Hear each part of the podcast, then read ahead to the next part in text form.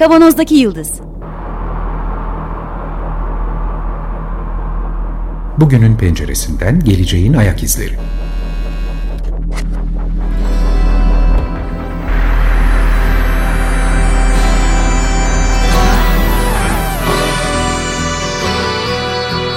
Hazırlayan ve sunanlar İsmail Başöz, Haluk Levent, Mustafa Yılmazer ve Fethiye Erbil.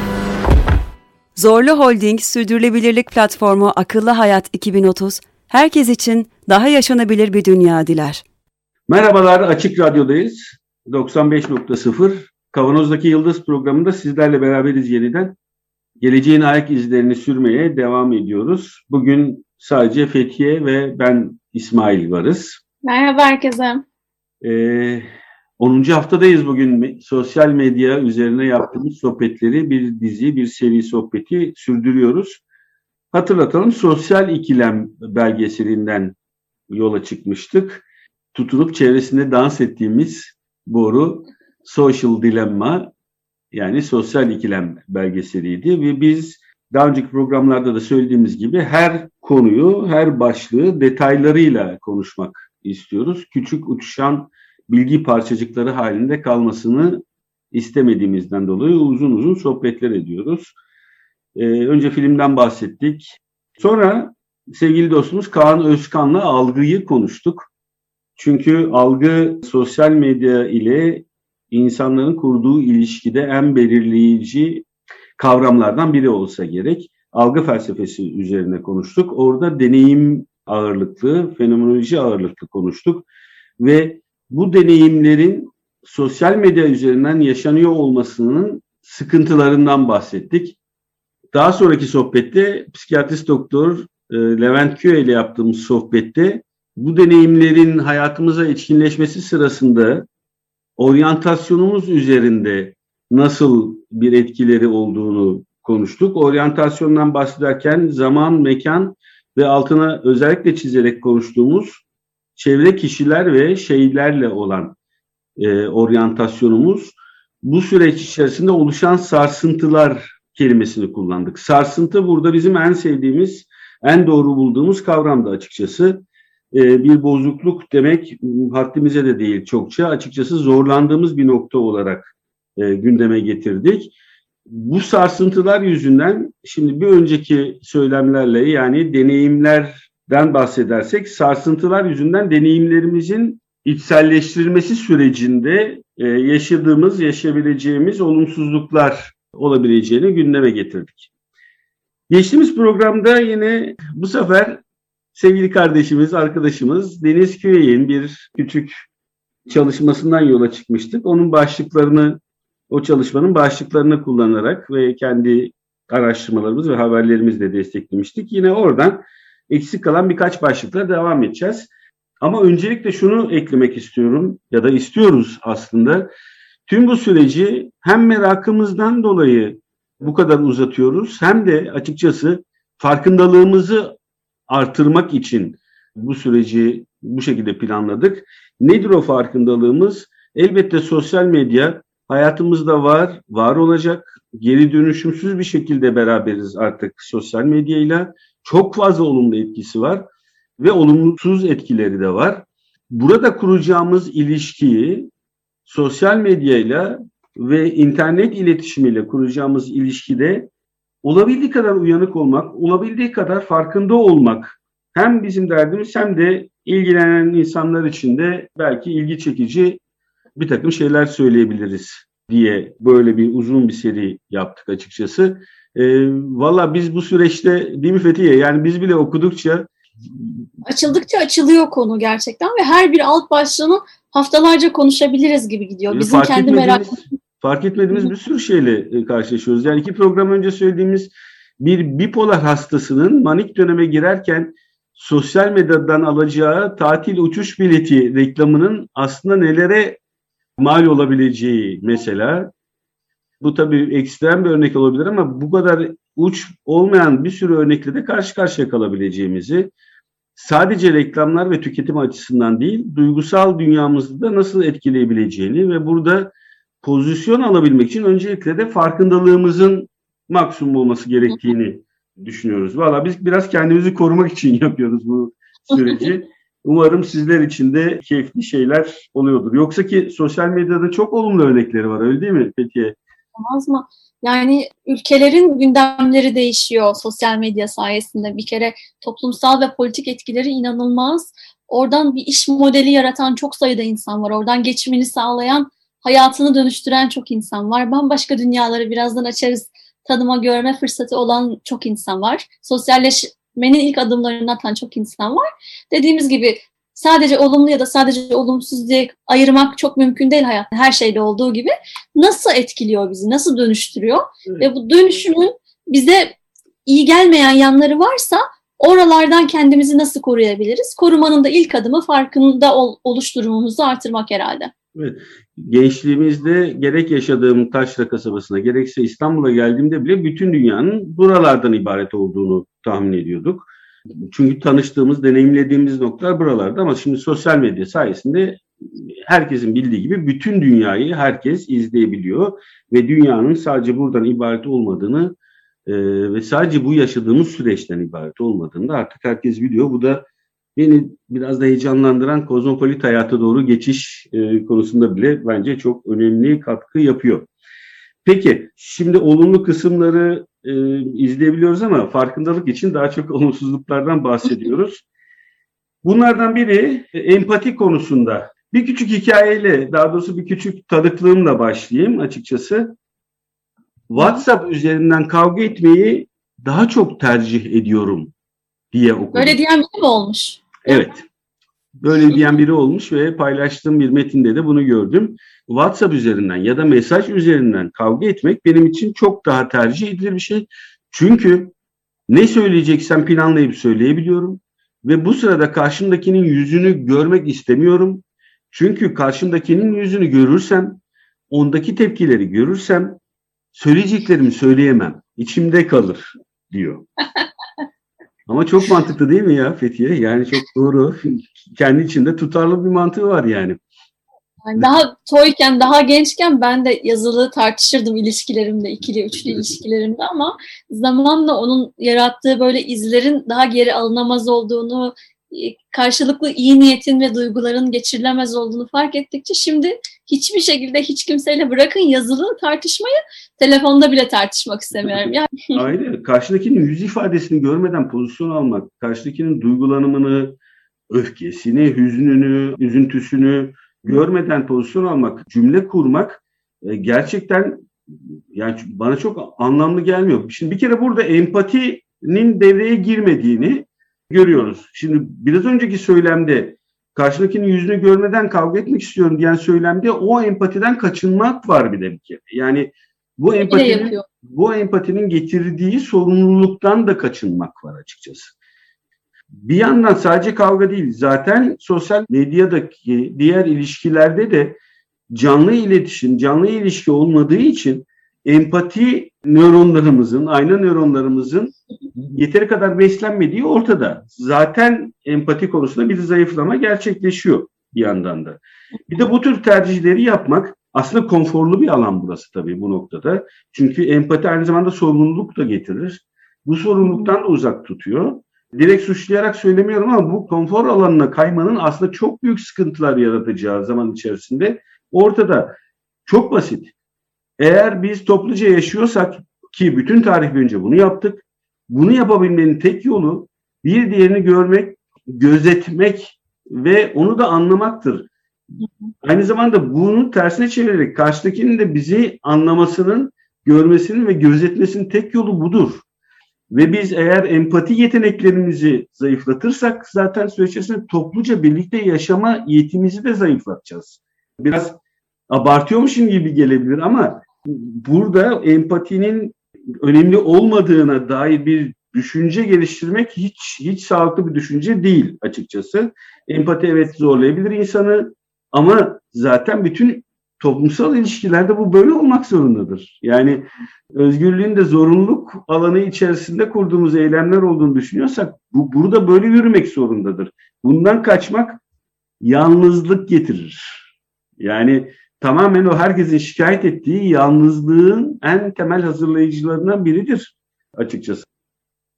Bunun linç kültürüyle de çok doğrudan alakası var. Sen empati deyince birden bir şey yapmıştım, çekinmiştim. Acaba sadece kişinin kendi becerisine odaklanan böyle kişisel gelişim bakış açıları var ya benim biraz uzak durmaya çalıştığım bir alan o. Yani empati başkasını anlayabilme, başkasıyla duygudaş olabilme, aynı duyguda olabilme ve o duyguya bir tepki üretebilme mekanizması ve bu ikili ilişkiler için değil, tam da senin çok güzel vurguladığın gibi toplumsal ilişkiler için, bir arada yaşama ilişkiler için çok gerekli. Ama biz bunu tabii küçük versiyonları, ikili, üçlü, ufak gruplar, büyük gruplarda her yerde kullandığımız bir beceri. Doğuştan da bir kısmı var olan bir beceri geliştirdiğimiz. Bunu linçe nasıl bağlayabiliriz? Her yerde görüyoruz şu anda. Bütün toplumsal ayrışmalara, kutuplaşmalara, politik tartışmalara, işte gündemde ne varsa her şeye sirayet etmiş durumda. Nasıl ki tanımadığı ama işte milyonlarca kişi takip ediyor diye takip ettiği böyle fenomenler var sosyal medyanın her alanında. O insanların hayatlarını paylaşıyorlar, görüşlerini paylaşıyorlar, kıyafetlerini, ne, neyin fenomeniyse artık altında beğenmediği bir şey olduğunda mesela Ramazan ayında bir yemek fotoğrafı koyduğunda ya da çocuğuyla ilgili baş, onun hoşuna gitmeyen bir şeyi paylaştığında hiç tanımadığı insana tanıdığına yapamayacağından daha ağır yorumlar yapanlar var. Çok kalp kırıcı, onur kırıcı, gerçekten düşmanlık ve gösteren sözler, yorumlar yapabilenler var. Ama hep hep o durumlarda şunu hayal ediyorum. Bu iki kişi aynı ortamda olsalar, aynı odada oturuyor, sohbet ediyor olsalar bu sözleri söyleyebilirim evet, onun yüzüne bakıp evet. İşte değil mi? karşılar etkileşim almadığı için e, ve almamayı tercih ettiği için açıkçası yani bu, bu kendi yanlışıyla da yüzleşme şansına sahip olmuyor. Acaba doğru mu söylüyorum sorusunu bile taşımadan devam ediyor. Bu arada tabii e, diğer bir ayağı görmeden, fiziksel temas etmeden etkileşim kurmaya çalışıyor ama bir de tersi var bunun yakınında olmadığı halde sadece sosyal medya üzerinde gördükleriyle kendisini karşılaştırma.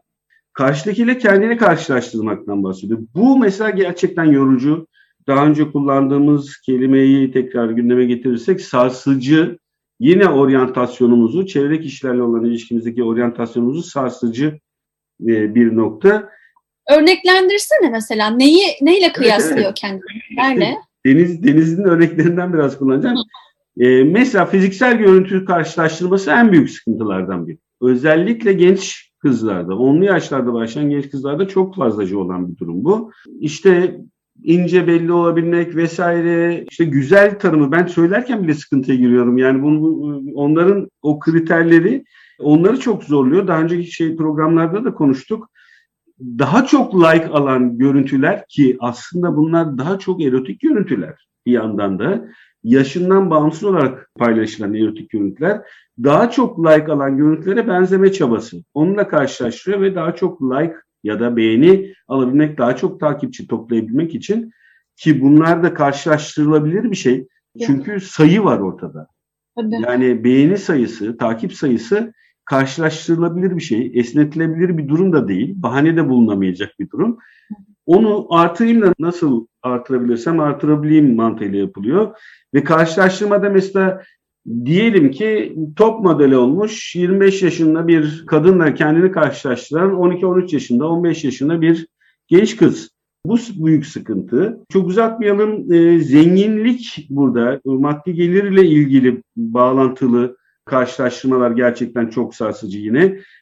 İşte deniz kıyısında ünlü bir e, adanın sahilinde dünyada çektirilmiş fotoğrafla orada olamamaktan dolayı kendisini o fotoğraftaki kişiyle karşılaştırıp orada olamamaktan dolayı bir yani öfke bile diyemeyeceğim aslında depresif bir takım duygular yaşamak ve kendi durumuyla karşılaştırmak. Senin biraz önce bahsettiğin bir terim vardı İngilizce değil mi? Mutluluk karşılaştırması. Ne demiş? Scenes diyorlarmış psikologlar buna yani highlight scenes. Hayatımızdaki en böyle öne çıkan anları biz sosyal medyaya koyuyoruz. Herkes en iyi anını çoğunlukla oraya koyuyor. En gurur duyduğu, en mutlu olduğu, en iyi göründüğü anları, en iyi hissettiği anları. E biz de ama hayatımızda onlardan yani ne kadar varsa birçok da olumsuz ya da nötr durumlar var. Biz de sadece o insanın hayatı o highlight scenes'den ibaretmiş gibi durup onlarla kıyaslıyoruz kendimizi. Evet, Doğru. Yani akşama kadar pespaye ağlayarak, zırlayarak evin içinde dolaşıp akşam üzeri birazcık işte üstüne başına bakıp yüzün kıyafet giyip bir bardak herhangi bir içeceği alıp sahilde çektirdiğin gülümseyerek çektirdiğin bir fotoğrafı paylaştığında bütün günlerinin böyle geçtiği imajını veriyorsun ve bu sabahtan evinde pespaye durumda olan herhangi bir insan buna bakarak kendi durumuna karşılaştırıp iyice depresif oluyor. iyice dibe doğru gidebiliyor. Peki burada esas yaratacağı sıkıntılar özellikle gençlerde ne tür sıkıntılar yaratacağına dair takım çıkarımlarım var. Kendi yetilerinin farkına varmamak söz konusu oluyor. Aslında çok değerli olan, hayatta varoluş için çok daha kıymetli olabilecek yetileri, mesela sanatsal becerilerini, mesela akademik becerilerini görmek ve bunu paylaşmak yerine fiziksel görüntüleri işte biraz belini açarak, biraz işte daha kısa kıyafetler giyerek, genç kızlar için bahsediyorum ya da erkekler için işte kaslarını geliştirip onu kullanmaya çalışarak gösterdikleri fotoğraflarla paylaşmak aslında onların normal hayatta gerçek gerçeklikte var olabilecekleri diğer becerilerini fark etmemelerine, yok saymalarına ve sonucunda bunu deneyimleyerek geliştirmelerine engel oluyorlar. Ve sonucunda yetersizlik hissini artıran bir durum. Araştırmalar da özellikle gençlerde cinsiyet fark etmeksizin bireylerin öz saygısını oldukça azalttığını, az hissettiklerini gösteriyor açıkçası sosyal medya kullanan gençlerin. Evet, bu aynı zamanda kişisel kimlik gelişiminde de krizlere yol açan bir durum. E, insanların, gençlerin kişisel kimliğinin gelişme sürecinde bu tür sarsıntılar gerçekten uzun vadede problem de yaratabilir ki çok da moda oldu zaten. Herkes geçmişine dönüp nerede benim travmam var diye arıyor. Belki de onlardan biri olacak gelecek zamanlarda dikkatli olalım derim. E, o deneyimleme meselesi de çok ilginç. Yani ben birkaç cümle önce geçti ama oraya tekrar bir dönmek isterim. Kendinde olmayanı, iyi olanı, güzel yaşayanı, kaliteli yaşayanı, tırnak içinde söylüyorum bunları hep böyle, keyif içinde yaşayanı görüp onu deneyimlemek isteme isteği artıyor. Hepimizde çok artıyor. Sonra da o deneyimi aramıyoruz, o deneyimi göstermeyi aramanın peşine evet. gidiyoruz. Yayından önce sana verdiğim bir örnek vardı ya, geçen haftaki yayından sonra Kuzguncuk'ta çarşıya çıktım biraz dolaşıyorum, hava alıyorum. Kapalı değildi ortalık, insanlar da geziyordu. Bir tane genç kadın elinde Instagram'dan bir fotoğraf, ben de yakındaydım gördüm, mimoza fotoğrafı var. Önünde birisi çekilmiştir, fotoğraf çekilmiş koymuş, herhalde meşhur da biri. Durdurup insanları bunu sordu. Bu mimoza ağacı nerede? İnsanlar bilmiyorlar, geçiyorlar böyle bakıyorlar. Bir tane mahalleden bir kadın tanıdığım bir kadın ya bu dedi bayağı yukarıda yokuşun üstünde. Çok sıcak nasıl gideceksiniz? Boş verin başka bir sürü ağaç var dedi. Çok üzüldü genç kadın o fotoğrafı gösteren. Ben bu ağacı bulup bu pozu vermek zorundayım dedi. Bunu arıyorum saatlerdir dedi. Yani o ağacı görmeye gitmiyor. O ağaç da bir şey hissetmeye gitmiyor. deneyimlemeye gitmiyor. O deneyimi yaşamış gibi göstermeye gidiyor. Bu bence gelebileceğimiz evet. son noktalardan biri. Evet evet. Yani bu bu kısım da e, konuşmayı planladığım noktalardan biri. Benim en çok ilgimi çeken noktalardan biri. Günlük hayattaki gerçeklikle yaşanan herhangi bir olayla ilişki kurma şekillerinde beni çok şaşırtan, ağzımı açık bırakan anlara tanık oluyorum. Bir gün batımı manzarasıyla karşılaştığımızda normalde oturup hakikaten bütün günün telaşesinden biraz da olsun uzaklaşabilmek için oturup sakin sakin gözlerimizi oraya dikip bakmak, onunla ilişki kurmak varken direkt fotoğrafını çekip ve onu direkt paylaşım alanlarına, sosyal medya alanlarına koyup onun üzerinden bir deneyimleme, nasıl bir deneyimleme? Başka tür bir deneyimleme herhalde bunun adı. Onun üzerinden e, gerçekleştirilen bir deneyimleme nasıl olabilir ki? Güneş orada duruyor ama sen elindeki fotoğrafa bakıyorsun ve şeyi takip etmeye başlıyorsun. Beğenileri takip etmeye başlıyorsun bunun üzerinde. İşte arkanı güneşe arkanı dönsen de elinde bu var ama artık güneş değil. Takip edilen artık beğeniler. Peki bir trafik kazasında bunun olmasına ne diyeceğiz? Bir trafik kazası Mesela? sırasında bile insanlar fotoğraf makinesinin elinde çekip hemen kazayı fotoğraflamaya çalışıyorlar. Halbuki o sırada yapılabilecek bir şeyler olma ihtimali var. Bir yardım etme ihtimalimiz var gerçekten.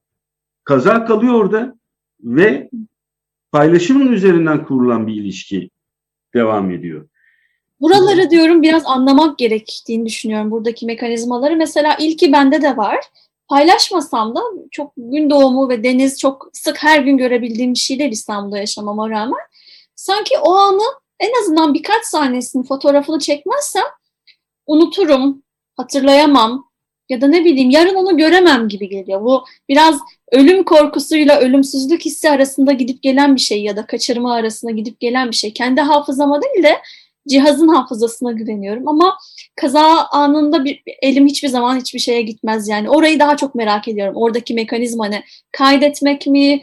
Birilerini uyarmak mı? Dikkat çekmek mi? Ya da ne bileyim polis şiddetine karşı işte Black Lives Matter'da olduğu gibi Ayrı. yani olumsuz şeyi kaydetmek mi değil mi? O kaydetmenin bir amacı mı var acaba orada? Bu ayrı ama yok ben bur buradaki bir olası tehlikeyi kendi adıma farkına varmak istiyorum. O an kurulacak ilişki gerçekten bizi çok daha besleyen bir ilişkidir. Hadi başka bir örnek vereceğim. Sahilde ateş yaktık. Hı hı. Ateşin fotoğrafını çekiyoruz değil mi? Evet. Ama fotoğraftan ateşin kokusu gelmiyor ki. Yani ateşin Üstelik kokusu belli bir süre orada durup o is kokusuyla o ateş kokusuyla temas etmeyip fotoğrafı çekip gitmek sonra tekrar o fotoğrafa bakmak o anki bütün duygularımızda ısınarak bedenimizin ön tarafının ısınması, arka tarafının üşümesi, ateşin kokusu vesaire bununla kurulacak ilişki yerine ateşin içinden bir fotoğraf çekmek ve buna fo- fokuslanmak ve ardından da yine o kokularla geçirilecek zaman yerine beğeni sayısıyla geçirilecek zamanı kastetmeye çalışıyorum ben. Arabada mesela arabada telefonla konuşurken elbette ki handsfree olarak yani elbette ki ya bir bluetooth ya da bir kulaklıkla konuşmaktan bahsediyorum. Aldığımız yolu hiçbir şekilde hatırlamıyoruz telefonla konuştuğumuz zaman. Beyin ikisine birden aynı fokusu, aynı yoğunluğu veremez. Böyle bir ihtimali yok. Multitask görev yapmakla ki bu konuda da bir program yapmamız gerekiyor. Yapacağız mı multitask şehir efsanesiyle? Multitask çoklu görev yaparken beyin hepsini kenarından yapıyor. Olu versin diye yapıyor. Hiçbiriyle tam bir ilişki kurulmuyor, kurulamıyor. Ee, burada da aynı şekilde yaşanan gerçeklikle kurulan ilişki daha onu görür görmez güzel ya da kötü etkileyici bir anı görür görmez bunun o anla değil bunun sosyal medyada yaratacağı etkiyle e, buradan gelecek takdirle ilişkili bir düşünce sistematiği gelişiyor artık. Anın güzelliği değil hemen peşinden artık nöronlarımız bu şekilde çalışmaya başladı muhtemelen hem hemen peşinden ben bu fotoğrafı çekersem sosyal medyaya koyarsam insanlar beni ne kadar beğenecek silsilesi geliyor. Senin söylediğindeki bence tehlike içermesine rağmen masumluğun biraz daha dışında bir şey söylüyorum ben. Yine de tehlike içerdiğini söylüyorum. Oraya doğru gitmeye çok meyyal bir şey.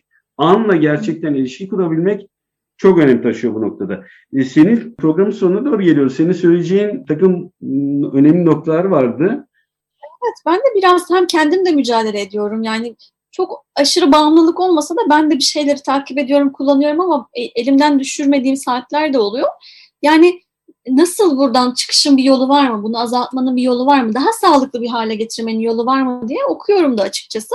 Ve bize uzmanlar en azından bu konuda çalışan uzmanlar birkaç güzel somut öneride bulunuyor. Mesela bunlardan bir tanesi yavaşlamayı denemek. O anın özünü, tadına varmayı denemek. Hayatta her zaman her şeye sahip olamayacağımızın, kimsenin de sahip olmadığını ve bunun da normal, olağan bir şey olduğunu kabul etmek ve biraz kişisel gelişimciler gibi konuşacağım ama sahip olduğumuz mesela sağlığımız, mesela aile ilişkilerimiz, mesela o gün okuduğumuz güzel bir kitap, izlediğimiz güzel bir film onun kıymetini hatırlamak, kendimize sık sık bunları hatırlatalım diyor.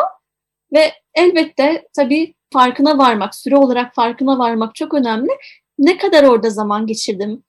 Sonra orada zaman geçirirken ne gibi hislerin içine girdim? Bu hisler çoğunlukla olumlu mu, olumsuz hisler mi? Bunları bir kenara not edin ya da biriyle bunları konuşun diyor. Özellikle ergen, genç çocukları olan ebeveynler için belki bunu söylemek önemli.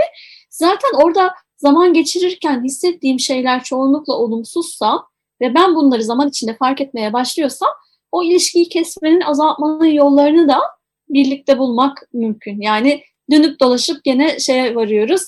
Ne yaptığımızın ve bunu bizi nasıl etkilediğini farkında olmak. Evet. Farkında olmak için de gerçekten biraz bilmek de gerekiyor. Biz o bilmenin peşindeyiz. Gerçekten şu ana kadar bilmediğimiz bir sürü şeyi öğrendik ve fark ettik. İşte bu, bu bilginin de e, eklenmesi gerekiyor ve bunu da Yani yok saymamak, görmezden gelmemek gerekiyor gerçekten. Yapsak bile yapıyorum evet böyle ama farkındayım da diyebilmek bence çok çok önemli taşıyor açıkçası. Bilmek ve farkında olmak bizi çok daha keyifli bir e, hayatı sürdürebilmeye yardımcı olabilecektir. Bu tekrar diyoruz kişisel gelişim söylemlerinin dışında ama benzer şeyler söyleniyor da onlar çok daha büyük paketlerle ve ruhani paketlerle satmaya çalışıyorlar onlar da. Elbette tenzih etmek lazım bazılarını ama genellikle böyle bir eğilim olduğunu biliyoruz. Peki bu haftaki programımızda buraya kadar 10. haftadır sosyal medya üzerine sohbetlere devam ediyoruz. Algı üzerine yaptığımız sohbetler, psikolojisi üzerine yaptığımız çok keyifli kayıtlarımız Açık Radyo'nun arşivinden ulaşabilirler gerçekten. Küçük notlarla paylaştık da Levent Köy ile yaptığımız sohbetleri. İki haftadır da direkt etkilerinden biraz bahsettik. Önümüzdeki haftalarda siyaset boyutundan, algoritmadan, ekonomi boyutundan sohbet etmeye devam edeceğiz. Biz gerçekten e, hala bitiremedik. İçine daldıkça e, bir sürü başka bilgiyle, başka parçayla karşılaşıyoruz. Umarım siz de takip etmekten, dinlemekten keyif alıyorsunuzdur. Evet, bu haftaki programımızın da size ulaşmasını sağlayan bütün Açık Radyo çalışanı arkadaşlarımıza canı gönülden teşekkür ediyoruz.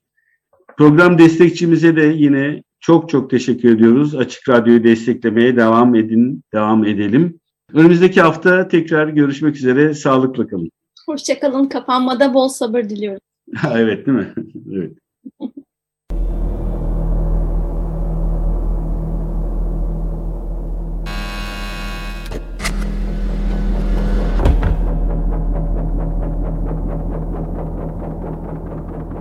Kavanozdaki Yıldız Bugünün penceresinden geleceğin ayak izleri.